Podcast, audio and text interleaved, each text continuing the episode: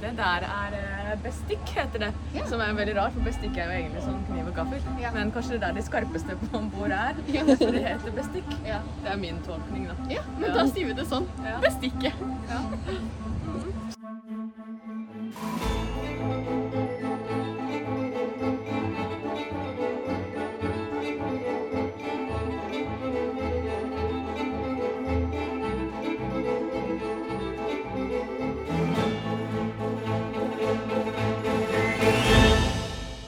Velkommen til Over Stillehavet med UiB. Jeg heter Cecilie, Jeg heter Kiri. og i dag så skal vi snakke om hva som har skjedd i det siste. For det har jo vært ganske stas, egentlig. Ja, det har jo vært uh, mye rart som har skjedd om bord Statsråd Lehmkuhl eh, denne uken også. Vi har bl.a. krysset ikke bare Stillehavet snart, men også ekvator. Mm. Ikke bare én, men hele tre ganger. Ja, Det er rart med det. Men det var noe vind som kom og ødela litt for planene. Um, og det skal vi jo prøve å finne litt mer ut av hva som skjedde egentlig etterpå, når vi snakker med vår uh, gjest. Yes. Ja, Hvem er det vi skal snakke med i dag? I dag skal vi snakke med Aksel, og han er førstestyrmann om bord. Mm. Um, og det blir veldig spennende å Mm. høre litt mer om han. Mm. Han var jo ikke med i det første legget når vi var med dette crewet. Uh, fordi at han dessverre hadde fått korona. Mm. Um, så det blir spennende å bli bedre kjent med han, og hvorfor han er her. Og Mm. ja. Og han uh, krysset jo også ekvator for første gang. Ja. Og når man krysser ekvator for første gang, så er det noe litt rart som eh, skjer. Det er vel til og med noen dager før man krysser ekvator, så er man nødt til å døpes for å få lov av kong Neptun da, til å krysse ekvator. Eh, og en ting som skjedde rett etter at vi hadde denne dåpen, var at eh, vaktlederne var veldig strenge og sa at dette som vi holdt på med, det var veldig, veldig hemmelig. Eh, og derfor så kan vi faktisk ikke gå inn på hva som faktisk skjedde under denne dåpen. Eh, men det har skjedd. Ja. I dag så sitter vi inne på sykehuset og spiller inn episoden, og det er derfor du hører litt sånn lyd. Og det er jo sånn som det er da om bord her på Statsråd Lehmkuhl, eh, hvor vi nå har bodd i snart fire måneder, det nærmer seg slutten. Eh, så er det jo alltid liksom noen som kniker i en dør, eller Ja, I hvert fall når vi ikke klarerer med legen at vi er her. Da, Ja. Da blir det sånn. da blir hun litt tatt på senga når hun ser at to sitter og spiller en podkast på gulvet. Ja, rett under medisinskapet som er fylt med kondomer og sprøyter. Ja. Ja. Nei da. Men uh, hva tenker du om at det snart nærmer seg slutten, da? Uh, altså det er, en, eh, det er noen blandede følelser. Jeg synes at det endrer seg litt fra dag til dag. Noen dager eh, så våkner jeg, og i hvert fall når vi er på, eller jeg er på rød vakt fra tolv til fire, fire både på natt og dag. Og på nattevakten da våkner jeg noen ganger og tenker nå vil jeg hjem. Ja, det skjønner jeg. Men uh, utenom det så kjenner jeg jo veldig på at uh, det gruer jeg meg til. Mm. At det skal være ferdig. Um, det har føltes ut nå, eh, nå som det er bare noen uker igjen, uh, at um, det er veldig kort tid igjen. Mm. Og så har man på en måte tenkt på det hver eneste dag. At Mm. nå er det kort tid igjen, nå er det kort tid igjen. Så det har nesten blitt litt lang tid igjen, på en måte, fordi man Ja. har tenkt så mye på at det er så kort tid igjen. Ja. så nei, jeg sitter med noen blandede følelser. Jeg gleder meg til å komme hjem til familie og venner og en annen hverdag hvor man eh, har litt mer frihet til å styre sin egen dag. Mm. Men uh, jeg gruer meg jo veldig til å aldri skulle komme tilbake til dette igjen. Mm. Ja. Jeg er helt enig. Og så er det jo også liksom Nå føler man på hele skipet at det nærmer seg slutten. De har satt i gang litt studenter til å pusse litt Ja. tre og lakke og gjøre skipet klart til eh, neste bunke med folk som kommer. Og jeg kjenner litt på det at eh, det er litt rart at skipet skal leve videre uten oss. Um, og jeg får skikkelig klump i magen av at det snart er slutt. Ja. Men uh, alt kommer jo til en uh, ende. Og det har vært magisk, Ja. rett og slett. ja, det er veldig rart at det skal komme en ny bulke med folk som Mm. skal eh, leve på samme måte som vi har gjort de eh, siste fire månedene. Det føles jo veldig ut som en opplevelse som vi eh, 90 studentene sitter alene med. Men det er jo ikke det. Nei. Det fortsetter videre. Mm. Um, og ja, vi skal, vi skal ikke tilbake, altså. Vi skal ikke det. Nei. Nei. Men da får vi bare nyte de, de siste ukene. Det Ja. er jo fortsatt litt tid igjen. Det er det, heldigvis. Og de, de siste dagene og ukene må vi bare nyte til det fulle. Og det tror jeg vi skal få til, for vi har jo klart det i eh, snart fire måneder, så det Ja. skal nok gå. Det, det får vi nok til. Vi får Mm. bare ikke tenke så mye på det. Ja. For uh, late som at det er to måneder igjen. Ja. Det er planen vi følger nå. Ja. Ja. Men før den tid så skal vi i hvert fall snakke med vår kjære Aksel. Vår Vår kjære kjære Aksel. Skal vi høre litt mer om hva crewet driver og tusler og tasler med. Men, Mm. De er jo litt sånn mystiske der de er. Ja, Kanskje det kan være litt oppklarende å få snakke med karen. det håper jeg på. Mm. Nei, for de eh, befinner seg jo som oftest eh, på halfdekket, som er på aftre del Aftre, Mm. sier man aftre? Aftre. Ja, Bakre del av skipet. Mm. Eh, det er der de har sitt område, hvor de har, sover i lugarer. De sover jo i hver sin lugar. Mm. Luksusdyrene. Ja, fy fader. Og de spiser der, og dusjer der, går på do. Ja. Akkurat som vi gjør, bare Ja. på midtre del av skipet. ja.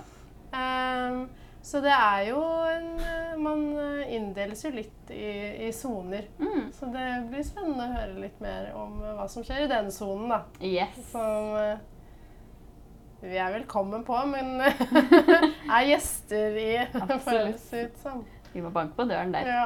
Jeg syns vi skal gå og banke på døren til Aksel, så Ja. ser om han har noe på hjertet.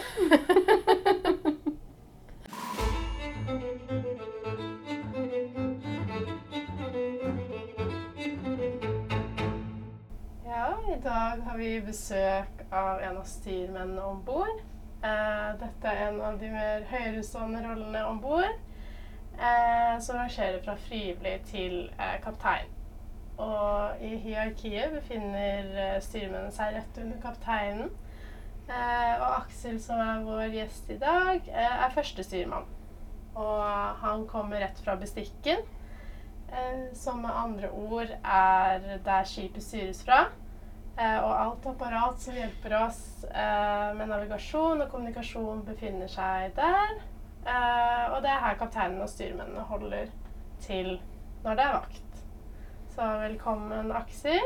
Tusen takk. Det er hyggelig at du ville være med oss. Hyggelig å bli spurt. eh, så når var det du eh, fant ut at du ville bli seiler, og hvordan skjedde dette? Eh, det var vel når jeg gikk på videregående.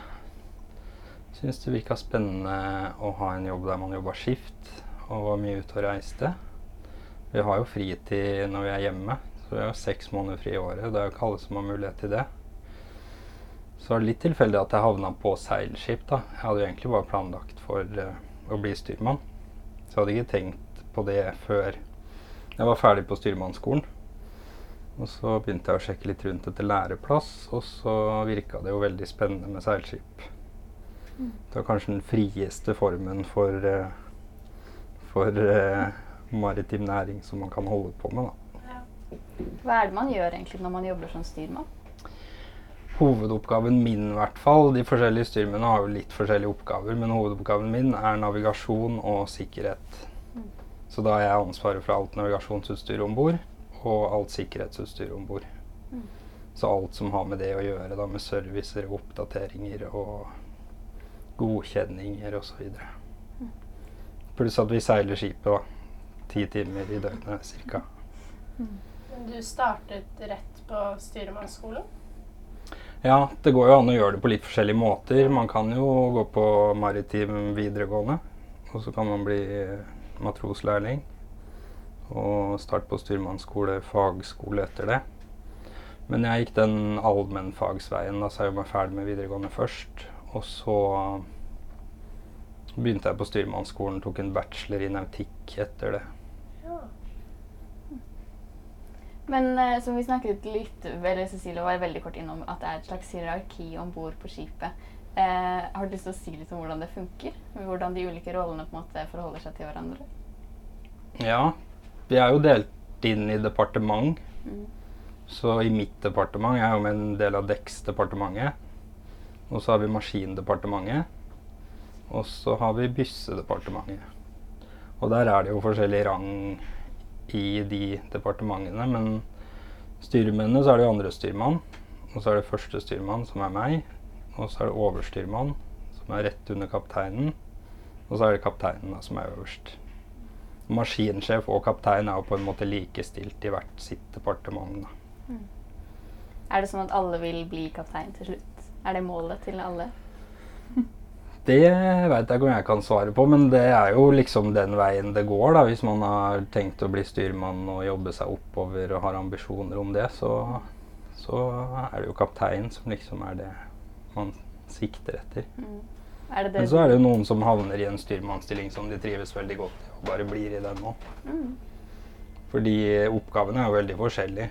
Kapteinen har jo veldig mye administrative ting og sitter mye på PC, skriver mailer og liksom har det overordna synet på ting.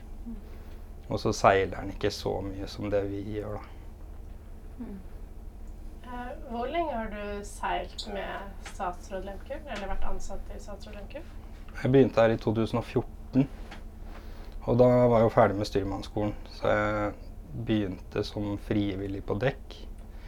Og så tok jeg Man må ha to års fartstid etter man er ferdig på styrmannsskolen, så da tok jeg Jeg var styrmannskadett samtidig som jeg gikk på dekk.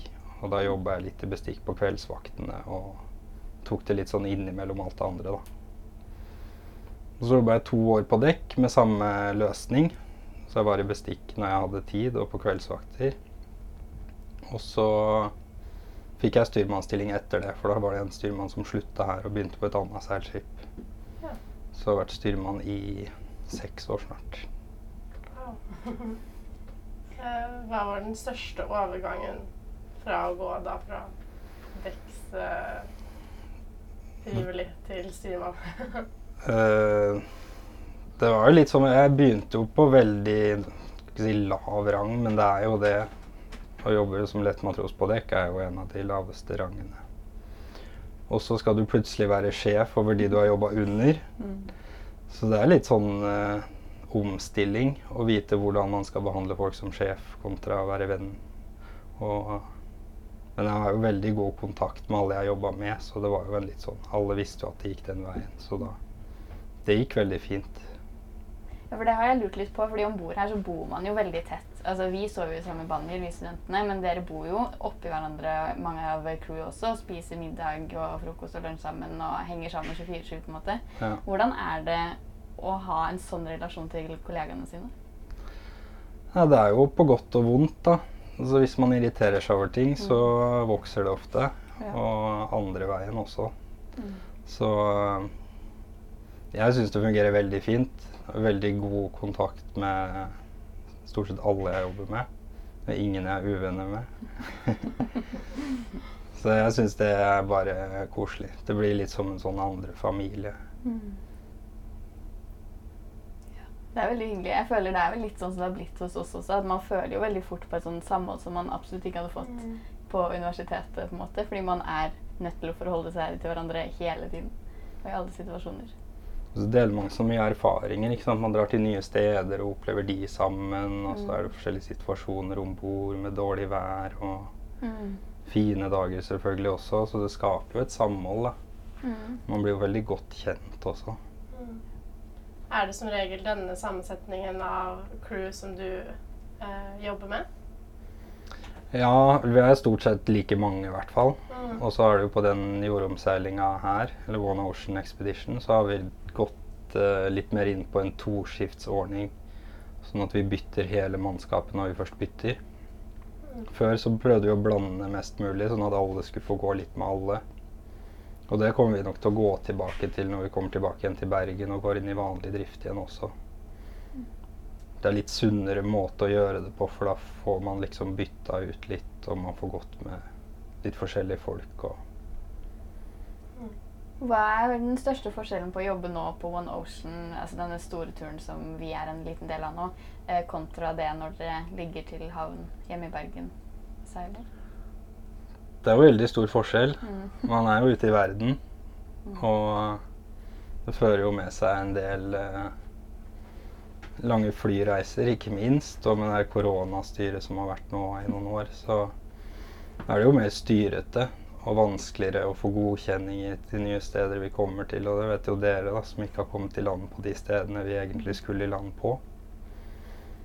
Så på den måten så er det jo litt sånn strevsomt i forhold til den vanlige driften vi har i Bergen. For den er jo så godt innkjørt.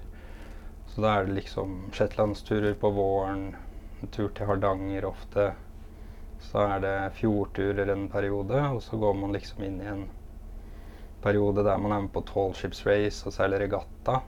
Litt sånn festivaler og sånn. Og så er det litt flere shetlandsturer på høsten og Sjøkrigsskolen og den nederlandske marinen. Noe som vi synes var veldig stas, var jo å faktisk ekvator, og det snakket vi litt om. Mm. Eh, var dette første gang du krysset ekvator? Ja, Ja, det var det. det var det. Så det var gøy for meg òg, det. Ja.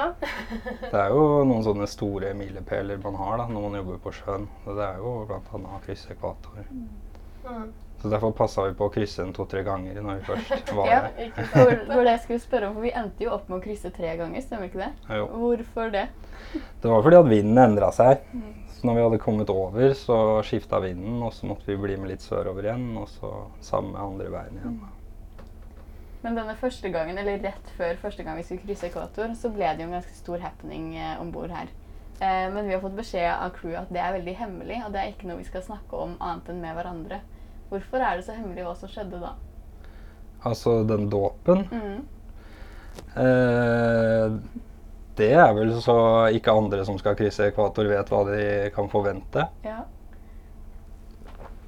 Har man lov til å si navnet sitt? Sitt sjømannsnavn? Det syns jeg. Det kan man. Da, Ja. Det er ikke noe fare for å få stjålet identiteten. Sjømannsidentiteten sin. Nei, jeg tror ikke det. Man skal jo være litt stolt av den. Ja. Hva ble navnet deres? Jeg ble Kiri Koi. Og jeg ble Cecilie Cuttlefish. Mm. Koi og cuttlefish. Hva med deg? Jeg ble abbor. Abbor. Mm. Passer jo ganske bra, så jeg er fra Innlandet. Ja. Men hvorfor får man sånn sjønavn? Er det, bare, er det en tradisjon, eller er det en større historie bak det?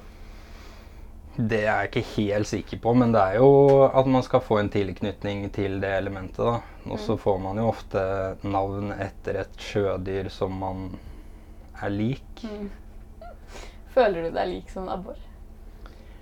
Eh, det veit jeg ikke helt. Jeg, ikke, jeg har ikke satt meg så veldig nøye inn i hvordan abboren er. Nei. Det må være de store havabborene i så fall. Mm. Kanskje ikke de små innlandsabborene. Det er veldig mange forskjellige typer. En hybrid, kanskje. En innlands som står Ja, det, det kan det godt være. Um, vi snakker jo mye om bestikket, eller bestikken. Er det bestikket? Bestikken. Bestikket. Bestikket. Og hva er egentlig bestikket? Bestikk er jo Her hos oss så er det jo på en måte broa Mm. som er på et vanlig skip. Men uh, fra gammelt av så var jo bestikket et rom bak, uh, bak broa, eller i tilknytning til broa, der man gjorde navigasjonsberegninger. Så når man hadde gjort opp bestikk, så visste man liksom hvor man var, og hvor langt man hadde beveget seg fra dagen før. Og. Så det er egentlig bare navigasjonsberegninger. Mm. Så det er derfor vi kaller det bestikk. Ja. For vi vanlige landkrabber holdt jeg på å si, tenker jo med en gang på kniv og gaffel, men det har ikke noe med det å gjøre. Nei, på sjøen så er jo kniv og gaffel er skaffetøy, Okay. så det er litt sånn terminologi. ja. For man skal heller ikke si kjøkken, har jeg skjønt. Nei, Nei. Det er bysse. bysse. Føler du at du har fått litt sånn yrkesskade? At når du er hjemme, så sier du at du skal ned i byssa og lage middag og sånt? Eller eh, legger du fra deg sjøterminologien når du går på land? Det blir hjemme på gang Ja. Hender seg jeg kaller eh, rommet mitt for lugar. Soverommet, altså. Det er ikke så ofte. Nå og jeg eh, var litt nysgjerrig på, da, er eh, hva ditt favorittapparat i musikk er. Favorittapparatet mitt?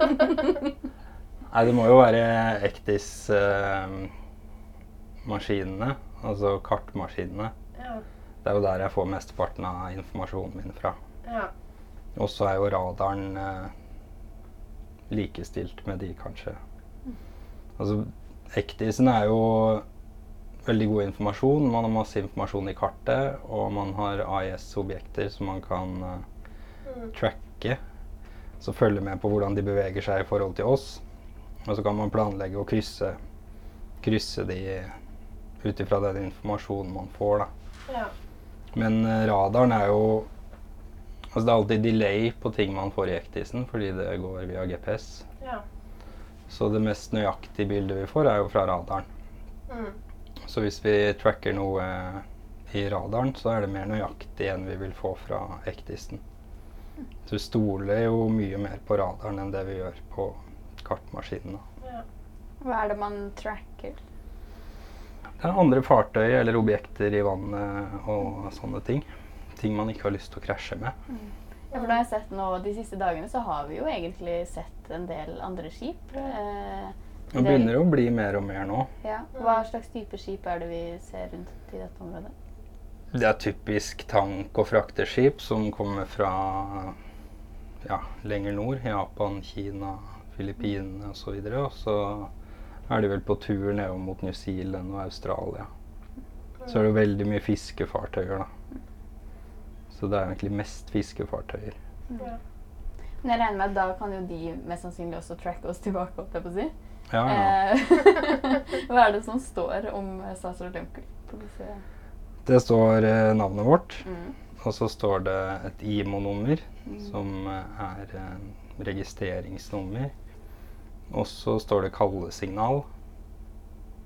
Og så står det kursen vår, farta vår, og hvor mange vi er om bord, og hvilken type fartøy vi er. Mm. Sånn hovedsakelig. Mm. Vi har jo Ja, det har vært veldig mye mer skip nå de siste dagene, men vi har jo sett litt skip her og der eh, når vi har vært på vakt, men så har de ikke dukket opp på radaren Nei. mange ganger.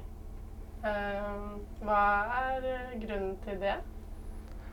Det kan jo være altså værforhold imellom oss og dem som gjør at eh, signalet eller den, det som blir sendt ut fra radaren, ikke når tilbake til oss. For det treffer noe annet først.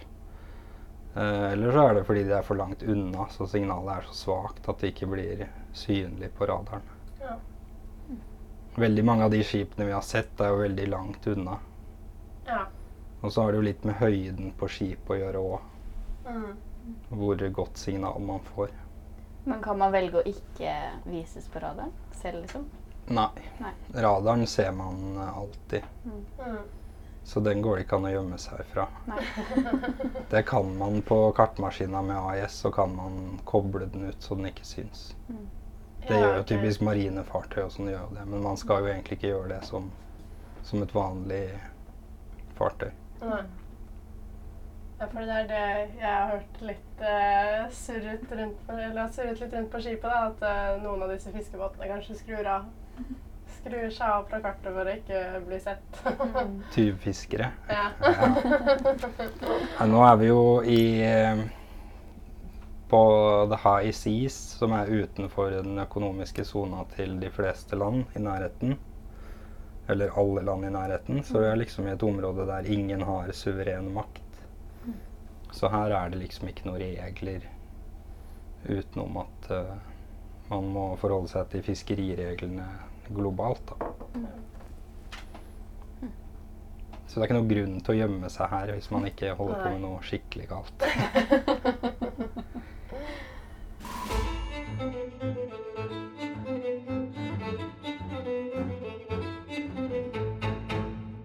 Mm, du har jo vært eh, mange år på sjøen. Eh, Mm. Jeg lurer på om du har eh, Om det er en episode eller noe som har skjedd da, som har satt ekstra støkk i deg? Enten positivt eller eh, negativt? Det er et godt spørsmål. Jeg har jo veldig mange både fine og litt mer sånn arbeidsomme opplevelser om bord. Men det jeg tror jeg husker best, er første året mitt. Da var jo helt fersk, aldri vært på et stort fartøy før. Bare seilt sånn kystseilas med fritidsbåt. Og da var det på tur over til USA, så fikk vi en litt sånn uventa orkan. Og det var jo veldig voldsomt når man aldri har vært med på det før. Så er det jo 10-15 meter høye bølger og vindstyrke på opptil 80 knop. Så røyk vi jo Jeg tror det var ni seil som røyk. Og da henger de jo bare og pisker i riggen i vinden. Og ganske tjukke vaiere som bare henger og slår, så det er mye bråk. Så det er jo litt sånn uh, En episode som man husker veldig godt, og som var veldig sånn der et sterkt inntrykk da. Så måtte jo noen stå ute og styre, for den eneste styreposisjonen her er jo ute. Vi kan ikke styre fra bestikk. Så da måtte jeg ha på meg hjelm og sele og stroppe meg fast i luftelyren og sitte der og styre. Gjorde det deg mer eller mindre gira på å bli styrmann eller å fortsette på? Eh, Jeg vet ikke om det gjorde noen av delene, egentlig, men det er jo en veldig Sånn i ettertid så ser jeg på det som en veldig god erfaring. Ja. Uh, og det er jo veldig mye mer på deg her om bord, for her er vi jo ute hele tida. Så hvis man er på et annet fartøy, så sitter man jo bare inne på broa. Ja. Så man får ikke det inntrykket av det som man får her. Her er man liksom i elementene hele tida. Ja. Jeg klarer ikke helt å forestille meg hvordan det er. For jeg syns at de regnbyggene vi har møtt på, da er jeg eh, blitt litt sånn wow. Det har vært veldig, veldig mildt på den turen her i hvert fall. Og så har jeg jo vært i dårlig vær eh, etterpå også, og flere orkaner. Mm. Og så føler man seg litt tryggere i de, da, siden man har vært gjennom det før og vet hva man kan forvente.